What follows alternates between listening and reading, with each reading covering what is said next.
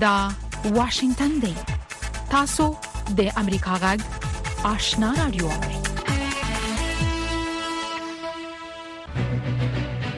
قدرمن اوریدونکو السلام علیکم زه شافیا سردارم دا د امریکا غږ آشنا رادیو خبرونه پیل شوه لومړی به خبرونه واوري ویان احمد الله چیوال ټاکل شوې ده چې راروانه دوشنبه په کابل کې د سیمه ییز تماس ډلې غونډه جوړه شي تمه ده چې په دې غونډه کې د افغانستان لپاره د روسیې، چین، ایران او پاکستان ځانګړي استازي برخه واخلي دا لومړی ځل دی چې د دوه زره یوویشتم کال د اګست له پنځلسمې را وروسته چې طالبانو کابل نیولی هلته د سیمې د هیوادونو د استازیو غونډه جوړیږي. د دې غونډې د اجنډا په اړه څه نه دي ویل شوي خو له افغانستانه د امنیتي ګواښونو مخنیوی، بشري حقونه او په ځانګړي توګه د ښځو حقونو ته درناوی او د ټول شموله حکومت جوړیدل هغه غوښتنې دي چې د سیمې هیوادونه یې له طالبانو څخه کوي. د اسلام اباد په بارکو او بي ولله سیمې کې مېشت یو شمېر افغان کډوالو رسنیو ته ویلي چې له تېرو درېوو ورځو راهیسې پاکستاني پولیسو دغلته کور په کور پلټنه پیل کړې او د اسنادو نه لرلو په تور یې ګڼ افغانان نیولي. دوی وايي، په نیول شویو افغانانو کې یو شمېر یې له تورخم اړول شوي او ځینې لا هم په زندانونو کې بې برخلیکه پراته دي. په بارکو سیمه کې میشت افغان کډوال وايي چې افغان کډوال نه یواځې په دغه سیمه بلکې د اسلام اباد په نورو سیمو کې هم چېرته چې ګڼ افغانان میشت دي او د ویزو موده یې پوره شوې د پولیسو له لوري نیول شوي. د افغانستان د خبریالانو مرکز له ازادو رسنیو د ملاتړ بنسټ یا نۍ فعالیت درېدل یوه نه جبرانېدونکې ضایعه بللې. دې مرکز تېره شپه په یوه اعلامیه کې هیله ښودلې چې د نۍ فعالیتونو د بیا پیل لپاره زمینه برابره شي. په افغانستان کې له ازادو رسنیو د ملاتړ بنسټ یا نۍ مسول مجیب خلوتګر د پنجشنبې په ورځ یوه ویډیو کې وویل، په افغانستان کې سیاسي وضعیت او نامناسبو شرایطو ته په کتو به دوی د موقت وخت لپاره فعالیت ونه لري. د ملګرو ملتونو د کرنې او خوراکي موادو اداره په افغانستان کې د اوبو د زېرمو د جوړېدو خبر ورکوي. دې ادارې پرون په خپله ایکس پاڼه یا پخواني ټویټر کې وویل چې دا زېرمې به د بېلابېلو شرکتونو او عامو خلکو په مرسته جوړې شي چې یو لور ته د سېلابونو د بهېدو مخه ونیسي او بل لور ته به د بارانونو له ورېدو سره په دې زېرمو کې د کرنې لپاره اوبه خوندي شي. د اوبو د زېرمو د جوړېدا دا خبر په داسې وخت کې خپور شوی چې د ملګرو ملتونو د مرستو د همغږۍ دفتر، اوچا، تېره اونۍ وویل چې سږ کال په افغانستان کې ورښتونه ډېر کم دي چې د بدې وچکالۍ اټکل کېږي. له امریکا غږ څخه خبرونو ته دوام ورکوو. سپینه ماڼۍ وايي د متحده ایالاتو ولسمشر جو بایډن پرون د قطر د امیر تمیم بن حماد الثاني سره په غزې کې د هغو برمته شویو کسانو خوشې کېدو په هکله خبرې کړي چې لا هم د حماس سره بندیان دي. بایډن او الثاني دا څرګندونې داسې مهال کړي چې ټاکل شوې د متحده ایالاتو د استخباراتو مرکزي ادارې مشر، په اروپا کې د اسراییل او مصر د استخباراتو ادارې مشرانو ترڅنګ د قطر د لومړي وزیر سره هم وګوري امریکا حکومت ترکیې ته د درویشت میلیاردو ډالرو په ارزښت څلوېښت نوي اف شپاړس ډوله جنګي الوتکو ورکول تایید کړي. دا د ترکیې له خوا په ناټو سازمان کې د سویډن ګډون له تایید وروسته یوه خورا مهمه سودا ده چې ځنډول شوې وه. په تازه سودا کې د نهه اویا هغو اف. په اړه سلوتکو عصري کولو وسایلو ورکړه هم شامل ده چې همدا اوس یې ترکیه لري. د امریکا د بهرنیو چارو وزارت د دې هیواد کانګرس ته ویلي چې یونان ته یې هم د اته اعشاریه شپږ میلیاردو په ارزښت د څلوېښت اف پنځه دېرش الوتکو ورکولو هوکړه تایید کړې. د اوکراین د لوی درستیز دفتر نن خبر ورکړ چې په تیرو څلرویشت ساعتونو کې د دوی د ځواکونو او روسیې پوځیانو ترمنځ اته نوې ځلې نښتې شوي. د لوی درستیز دفتر زیاتوي چې د دې ترڅنګ روسي ځواکونو په ختیځ کې د دونیسک او په جنوب کې د خرسون پر سیمو د توغندیو بریدونو او هوایي بریدونه کړي. په بیان کې ویل شوي، چې ملکیانو ته مرګ ژوبله اوښتې، خو د تلفاتو په اړه یې نور معلومات نه دي ورکړي. دا و د دې ساعت خبرونه چې تاسو ته په واشنګټن کې د امریکا غږ له سټوډیو وړاندې کړل. تاسو خبرونه د امریکا غږ آشنا رادیو څخه واوریدل. درنو ریدونکو زموږ په دې سهارنۍ پښتو خبرونه کې د افغانستان سیمه او نړۍ د روانو حالات په اړه کې مهم مطالب او مرکې لرو او د امریکا غږ تر مقاله هم اوریدلای شئ. خو لومړی به دا رپورت واوري چې د طالبانو د حکومت د ترانسپورت هوایي چلن وزارت وایي چې د خوست هوایي ډګر څخه د متحده عربي اماراتو الوتنې بیرته پیل شوې دي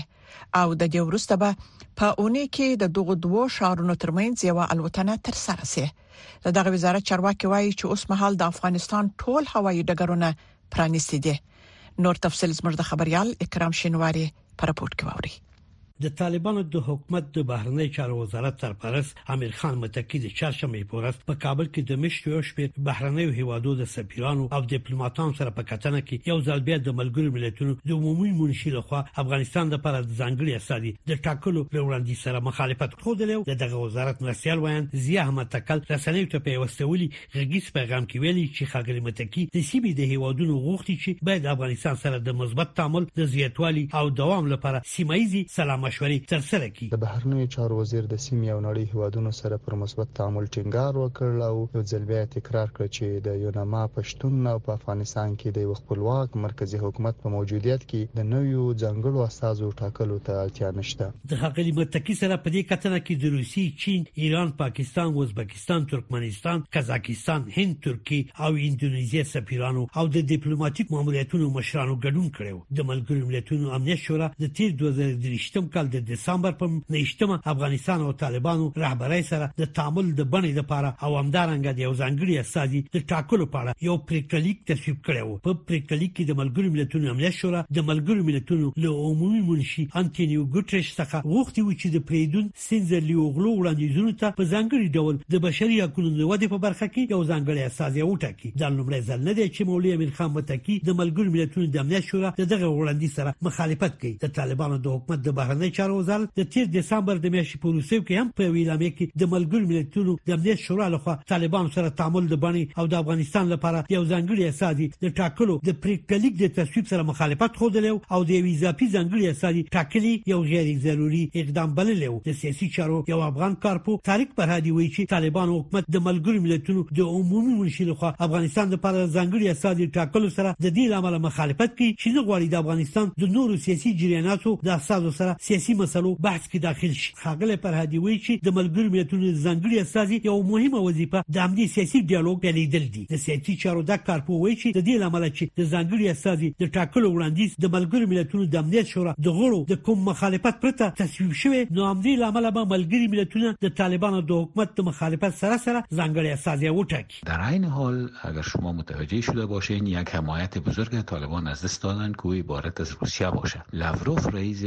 وزیر خارجه روسیه دو سه روز پیش در حالی که در نیویورک بود گفت که طالبان باید باید با مخالفین خود در مذاکره داخل شوند و یا حکومت همشمول بسازند و در واقع روسیه به این رقم اتور رسما نگفته بود مشاور امنیت ملیشان گفته بود اما لوروب در اینجا دیگه بسیار واضح گفت که ما طالبان به رسمیت نمیشناسیم تا اینکه یک حکومت همشمول نسازند څرګند و. د سیاسي چارو دا کارپوه وایي چې ممکن طالبان حکومت د ملګرو ملتونو له خوا د نوي ځانګړي استازي د ټاکل کېدو وروسته همکاري ونه کړي او ورسره ونه ګوري خو دی وایي دا کار به د طالبانو د حکومت د لا منځوي کېدو سبب شي د طالبانو د حکومت د بهرنیو چارو وزارت سرپرست د ملګرو ملتونو له خوا افغانستان لپاره د ځانګړي استازي ټاکلو د وړاندیز سره مخالفت په داسې حال کې ښودلی چې ټاکل شوی د ملګرو ملتونو عمومي منشي انټونیو ګوتریش په بلنه د راتلونکي فبروري میاشتې په اتلسمه او نولسمه د قطر په پایتخت دوحه کې افغانستان په اړه د یو شمېر هېوادونو د ځانګړو استازو دویمه غونډه کې د افغانستان لپاره د ځانګړي استازي د ټاکلو په سر سلا مشورې وشي.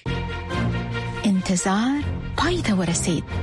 ترنو لیدونکو او اوریدونکو تاسو کولی شئ د امریکا غږ ټلویزیونی او رادیوي خبرونه د یاشار ساتلایت له طریقو وګورئ او واورئ د نوي ساتلایت لارې تاسو د آشنا اتصال او کاروان ټلویزیونی خبرونه کتلای هم شئ د امریکا غږ د افغانستان څنګه خبرونه په 309 پټ چنل او د آشنا رادیوي خبرونه په 309 پټ چنل کې اوریدلای شئ لملتيامو د تل پشان مننه دا د امریکا جغ آشنا رادیو ده او تاسو زموږ د خبرونه اوري طالبانو حکومت وايي د قطر په پلازمینه دوه کې د فبرवरी په میاشت کې د ملګرو ملتونو لخوا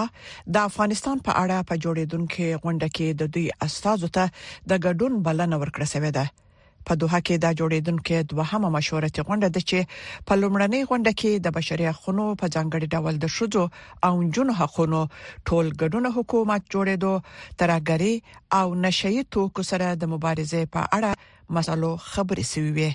د بلې خوا ټاکل شوې د راتلونکو دوشنبه په ورځ په کابل کې د افغانستان په اړه د سیمې د هیوادونو د تماس د ډلې لومړنۍ غونډه جوړ سي نور حال پر رپورت کې ووري د طالبان د حکومت د ریاست الوزرا د سیاسي چارو مرستيال مولوي عبدالکبیر له قوله ویل شوی چې د دوی د حکومت اساس ته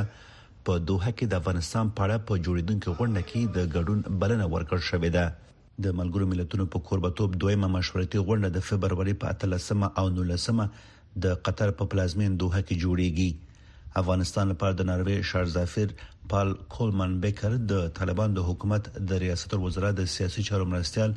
مولوي عبدالکبیر سره کتنه کې ویلي په نړۍ کې په روان کړکېچ سربېره افغانستان له نړۍ څخه نه دی هېر شوی او د فبرورۍ په اتلسمه نېټه به په دوحه کې د افغانستان په تړاو نړیواله غونډه ترسره شي. ملګرو ملتونو تر اوسه په دې دوه ورځنۍ غونډه کې د طالبان د استازو د ګډون په اړه څه نه دی ویلي، خو په لومړۍ مشورتي غونډه کې طالبان نه وو بللي. په لومړنۍ مشورتي غونډه کې چې تیر کال تر سره شوې وه، د بشري حقونو په ځانګړي ډول د ښځو او نجونو حقونو، ټولګډونه حکومت جوړېدو، ترهګرۍ او نشه یي توکو سره د مبارزې په اړوند مسلو خبرې شوې وې. دې غونډه کې د افغانستان د بیلابیلو ځایونو او بیلابیلو طبقو څخه خځې دعوت کړې شي چې په دې غونډه کې د دوی شتون ډیر اړین دی او همدارنګه د افغان جنو د زده کړو د هغوی د حقونو د هغوی د ژوند په اړه بحث وشي چې اوس وخت کې هغوی ته هیڅ د یو انسان په نظر نه کتل کیږي بلخوا د طالبان د حکومت چارواکي وایي چې ټاکل شوې د جنوري په 29مه نیټه په کابل کې د افغانستان په اړه د سیمې د هیوادونو تماس د ډلې لومړنۍ غونډه جوړ شي په چین کې د افغانستان سفارت چې طالبان لخوا اداره کیږي د ایکس په ټولنیزه شبکه کې لیکلي چې د دې غونډې په اړه په بیجینګ کې د طالبانو د سفیر اسد الله بلال کریمی او د چین د بهرنی چارو وزارت د اسیایي څانګې مرستیال ترمنځ په کتنه کې خبرې شوې دي. تر دې مخکې د ایران د بهرنیو چارو وزارت چارواکو ویلي و چې ټاکل شوې په کابل کې د روسیې، چین، ایران او پاکستان د استازو په ګډون په یوه غونډه کې د افغانستان او د سیمې د امنیت په اړوند مسئلو خبرې وشي. دغسې یوه غونډه په کابل کې جوړه هم شي، توقع نه شئ کولای چې هغه ژمنې چې الته کیږي هغه د عملی شي ځکه چې دلته د رسمیت پیژندلو او د حقوقي دوه اړخیز تعامل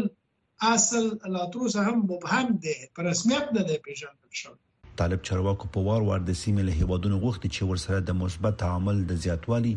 او دوام لپاره سیمه ییزې سلا مشورې تر سره کړي وحید فیضي د امریکا غږ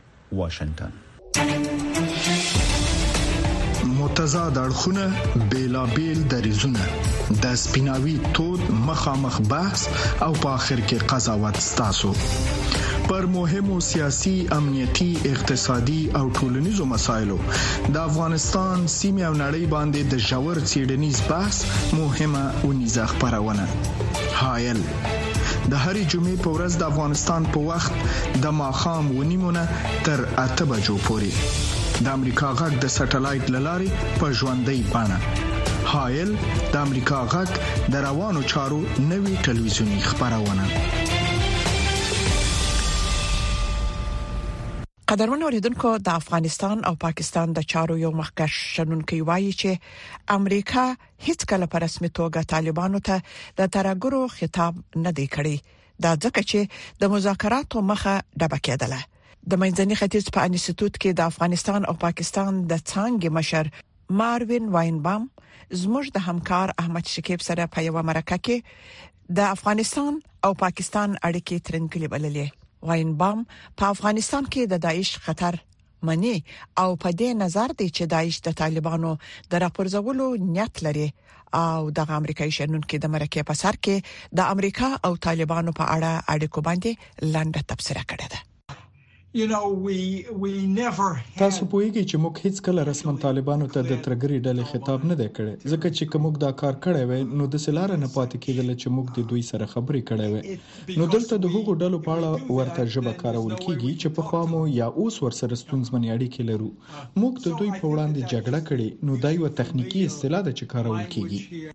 پاکستان ډیمانډز سم اکشن کرا شو د پاکستان سره د طالبانو اړیکو ته پاکستان د افغان طالبانو نه تمه لري چې د پاکستاني طالبانو په وړاندې یو لړ اقدامات وکړي خو دا ښکاري چې اسلام آباد د طالبانو د اقداماتو نه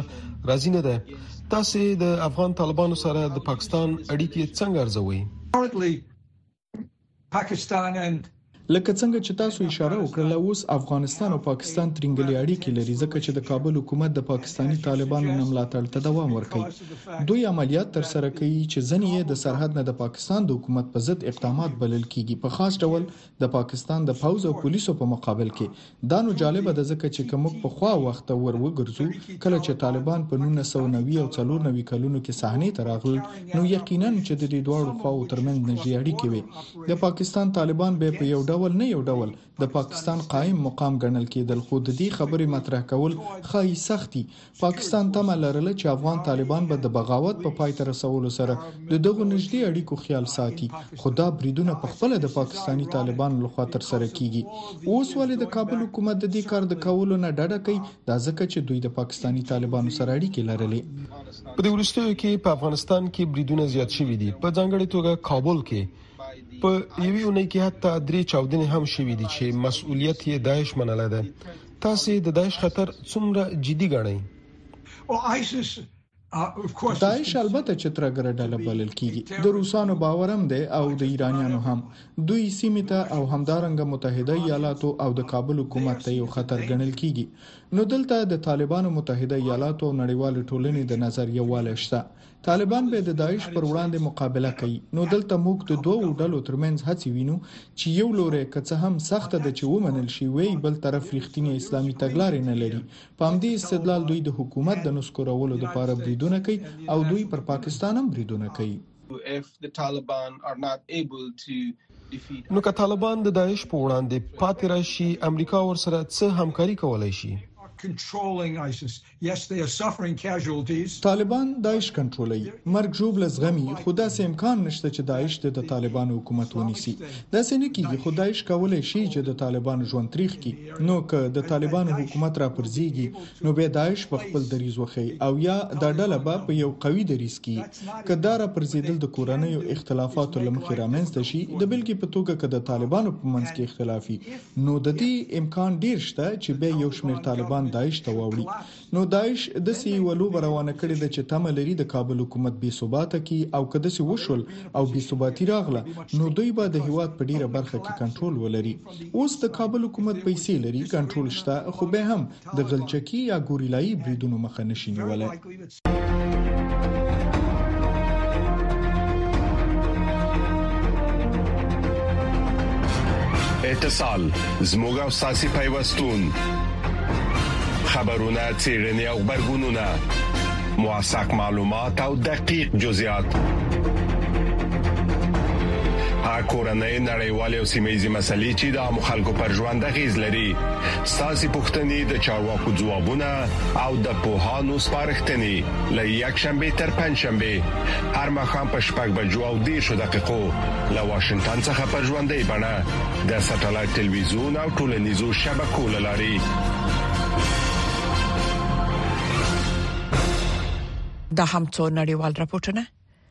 سپینه ماڼۍ وایي چې د عدالت د نړیوالې محکمې هغه لومړنۍ پریکړه چې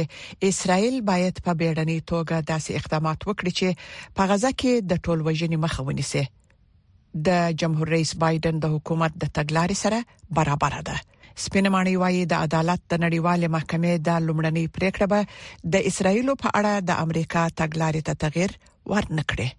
نور تفصيل پر پورت کوي له یوې خوا د غزې د روغتیاي چارواکو د وینا سره سم په غزې کې د جګړې لامل د وژلو شویو خلکو شمیر له 26000 څخه په زیاتېدو دی له بلې خوا د ملګرو ملتونو یوې محکمې د غزې په تړانګه کې د ټول وژنې د مخنیوي لپاره د بیړنۍ چارې د ترسره کولو حکم کړي اول په دې کې په ځانګړي توګه د ګروپ د غړو وژل شامل دي. دویم، په دې حکم کې د یو ګروپ غړو ته جسمي او یا رواني زیان اړول شامل دي. درېیم، د محکمې په حکم کې د یو ګروپ غړو ته داسې شرایط رامنځ ته کول شامل دي چې موخه یې د ګروپ په فزیکي ډول له منځه وړل وي. سویلي افریقا د عدالت نړیوالې محکمې ته د اسراییلو پر وړاندې دغه دوسیه وروړې ده. سپینه ماڼۍ یادې دوسیې ته د بې ګټې کار په سترګه ګوري. سپینه ماڼۍ وايي چې د عدالت د نړیوالې محکمې حکم به له اسراییلو څخه د امریکا د ملاتړ پیاوړی دریځ ضعیفه نه کړي. مونږ اړ یو چې وګورو چې پروسه څرنګه پر مخ ځي، خو دا ستونزمنه ده چې وګورو چې د محکمې حکم دی د امریکا د دریځ د بدلون لامل شي. لکه چې ما وویل، د امریکا ولسمشر فکر کوي چې د اسرایل او حماس ترمنځ جګړې په اړه د امریکا دریځ پایله لري نو موږ په خپل دریځ ته دوام ورکړو امریکایي چارواکي وایي چې د عدالت د نړیوالې محکمې پریکړه چې اسرائیل هڅوي چې غزې ته د بشري مرستو د زیاتولو لپاره ولسی تلفات راکم کړي د امریکا د دریځ سره یو ډول ده امریکايي چارواکي وايي چې اسراییل پر دغه هېواد د بل ځلي برید د مخنیوي د تضمینولو حق لري. د تلفاتو د زیاتېدو سره سره امریکا د داسې اوربند چې حماس ته ګټه رسوي مخالفت کوي. امریکا وايي چې د عدالت د نړیوالې محکمې حکم هم دغه ډول غوښتنه نه کوي. په دغه حالت کې د عدالت د نړیوالې محکمې حکم د اکتوبر پر اوومه د حماس د بریدونو پر وړاندې د اسرایل پوځي عملیاتو ته یو ډول مشروعیت ورکوي. خو بیا هم د نړیوالې محکمې حکم ښايي امریکا او نور هیوادونه اړ کړي چې پر دې فکر وکړي چې ایا په پوځي ډګر کې له اسرایل څخه ملاتړ خو به د حقوقي خطرونو سره مل نه وي؟ دا حقیقت چې د عدالت نړیوال محکمې په دې اړه نړیوالې ټولنې ته خبرداري ورکړې چې خای هم دلته ټول وژن روان وي او یا خای ټول وژن رامنځته شي د دې معنی دا ده چې هر هغه هیواد چې له اسرایل څخه پوځي او یا ډیپلوماټیک ملاتړ کوي اړ دي چې په دې اړه جدي فکر وکړي چې چې آیا د محکمې د حکم سره سره دوی بیا هم خپل کار ته دوام ورکړي او کنه په داسې حال کې چې ښايي نړیوال فشار په اکتوبر کې د امریکا له ټاکنو وړاندې د امریکا پر ولسمشر اغېزه ونه کړي، دی اړ دی چې خپلو رای ورکوونکو ته پام وکړي. ټولپوښتنې ښيي چې اکثریت امریکایان او په ځانګړي ډول د بایډن د خپل ګوند، ډیموکرات ګوند غړي د غزې جګړې پای ته رسېدل غواړي.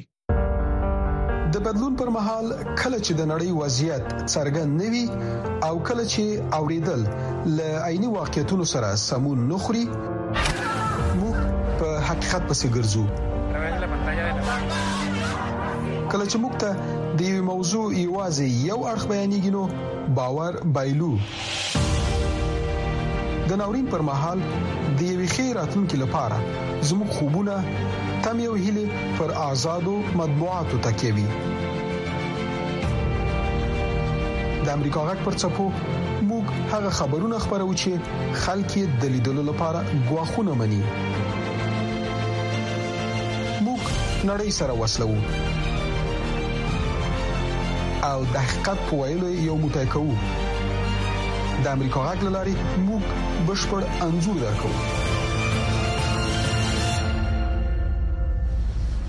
قدرمن اوریدونکو کله یوې خوا نړیوال را روانه شنبه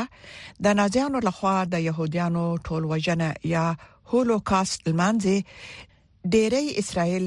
د تیر اکتوبر په اومه د حماس لخوا تر سره شوې د لیزه وژنه د هالوکاست سره پرتله کوي ځنې هغه خلک چې د حماس په دغه برید کې اغیزمن شوی دي په خپل د نازیانو لخوا د يهودانو د ټولوژنې څخه ژوندۍ پاتې شوی دي تفصيل پر رپورت کې واوري د دوهمې نړیوالې جګړې د پیلېدو پر مهال زوی سولو 15 کلن وو هغه له خپل کورنۍ سره ایتالیا، یونان او استرالیا ته وتښتید خو د بل اخره د 1950 کال په وروستي ورځو کې د غزې پر پوله د کیبوتیز نیریام په سیمه کې میشت شو د اکتوبر پر اومه نیټه حماس په خپل ترهګریز برید کې د نریم د سیمې د پنځو کسانو په ګډون دوولس سوه تنه ووژل. حماس په دغه ورځ د سولو د ګاونډ د ځینو اسراییلیانو په ګډون دوه سوه تنه اسراییلیان برمته کړل. موږ د سهار پر شپږ نیمې بجې له کوره بهر د ډزو پر غږ راپاڅېدلو. موږ په عربي ژبه د خلکو خبرې او چغې واورېدلې.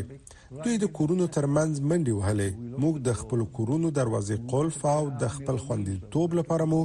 د پوځ انتظار پیل کړ، خو د پوځ په راتلو اووه ساعته تېر شول. نه اتیا کلن سولو وايي چې هغه له دې امله خپه دی چې په کیبیتس کې د خپل اویا کلن پخواني کور پرېښودلو ته اړ کېږي او نه پوهېږي چې کله به بېرته خپل کور ته راستون شي. سولو وايي چې، اوسنۍ ناورین یې په کوچنیوالي کې له نازیانو څخه د تېښتې او د کلونو بې کورۍ یادونه تازه کوي د هولوکاست څخه یو بل ژوندۍ پاتې شوې اسرایلی میرمن سارا جیکسن وایي چې د کبت سعید سیمې پرې خودلو یې شپږ لسیزې په خواني د هولوکاست یادونه تازه کړي د اکتوبر پر ومه نو مړې د نووا د موسیقۍ د فیستیوال د اموژنې څخه د تختیدلو شپږو نور ځوانانو سره لبمونو څخه د خوندیتوب په خونه کې پناه اخیستې و. د اوس په امریکا ژغ سرمقاله ووري چې د امریکا د حکومت رسمي نظر څرګندوي دا حقیقت اوس لوریا جوتیږي چې د اقلیم بدلون زمنګ د زمکه او زمنګ د ټولو لپاره یو ښکارا او څرګند غواخ دی د متحده ایالاتو د سمندري او فضایي ملي ادارې د ثبت شوي ریکارډ له مخې تېر دوه زره درېشتم میلادي کال د نورو کلونو په پرتله تر ټولو زیات ګرم کال و. د تودوخې په وجه د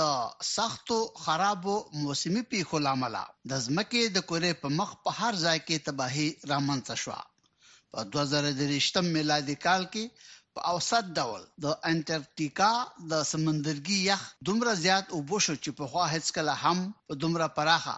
کچا نو وبشوي او که په همدې کچه وبکیدل دوام عمومي نو د صنعتي انقلاب له دور نه مخکې له 1.5 درجه سانتیګراد نه د تودوخې د زیاتوالي د مخنیوي پر ځای ممکن چې د روانې میلادي پېړۍ تر پایه پورې د اقلیم د بدلون په وجه تودوخه درې اعشاریه څلور درجو سانتي ګراد ته لوړه شي. د اقلیم د بدلون د چارو لپاره د متحده ایالاتو د حکومت ځانګړي استازي جان کیري ویلي چې تېر دوه زره درویشتم کال واقعاً چې د اقلیم د بدلون په حساب د بشر په ټول تاریخ کې د منفي عواقبو په اعتبار زیات تخریب کوونکی کال ثابت شو. جان کیري زیاته کړه، همدا اوس د ځمکې پر مخ په مختلفو سیمو کې په میلیونونو خلک د بېځایه کېدو له امله د حرکت په حال کې دي خو یوازې د اقلیم د بدلون په سبب نه، بلکې د اقلیم بدلون یې یو ستر لامل ګرځېدلی. د اوبو د کمښت بحرانونه او د هغو فصلونو د کرلو په برخه کې د خلکو بې وسي چې مخکې به پرې خپل ګذران کاوه او د هغو ناروغیو بیا خپرېدل چې موږ فکر کوو له منځه مو وړي او د کاروبار او روزګار ګډوډېدل او د ورځني ژوند اخلالېدل ټول هغه عوامل دي چې خلک ورسره مخامخ شو او هر چا ته تاوان واړو. که تاسو له دغه خلکو سره مخ شئ، نو حتماً به تاسې ته ووايي چې د سوداګریزو موادو د انتقال د لړۍ د اخلالېدو په وجه ژوند څومره ګډوډ شوی او داسې نور. د اقلیم د بدلون د بحران د مخنیوي په خاطر د مبارزې په وړاندې د نورو خنډونو په جمله کې دا وخت تر ټولو غټ خنډ د پیسو کمبود دی ښاغلي کیری وویل چې په ټریلیونونو ډالر پکار دي او هر کال له دوه نیمو او یا دریو ټریلیونو نه تر څلور نیمو او ان پنځو ټریلیونو ډالرو پورې پیسو ته اړتیا لیدل کیږي کیری زیاته کړه چې شخصي پانګونې ته ضرورت دی خو خلک د سرمایه ګذارۍ په اړه زړه نازړه دي او موږ باید د سوداګریزو اعتبارنامو له لارې پیسې پیدا کړو. کله چې تاسو یوه نغده سوداګریزه معامله کوئ، نو په بنیادي ډول داو وهئ، د تاوان خطر له منځه وړئ او د نقصان امکانات مو ځکه کمېږي چې تاسو یو څه پیسې د اعتبار لپاره له بانک سره ساتئ. په لومړي سر کې که تاوان هم ومنئ، دا پیسې خلکو ته ډاډ ورکوي چې د دفاع وړ نفعې او ګټې امکانات هم زیات دي او دا یو داسې داو دی چې همدا اوس په وهلو ارزي. جان کیري وايي، څرنګه موږ دغه کار سرته رسولی شو؟ او فیلنتراپي یا بشرپالنه نن سبا په دې اړه غټ رول او نقش لوبوي. ښاغلي کیري زیاته کړه چې بشرپالنه او انسان دوستي وړیا مرستې برابروي او تر ټولو مهمه دا ده چې د اقلیم د بهتر کولو لپاره د پانګونې په وجه د نقصان خطر هم مني او زما په باور له دې نه لا زیات مهم او غټ څه کېدای شي او یا حتمي او فوري بڼه درلودلی شي. تاسو د امریکا د افسر مقاله واورېده چې د امریکا د حکومت رسمي نظر یې څرګند کړ.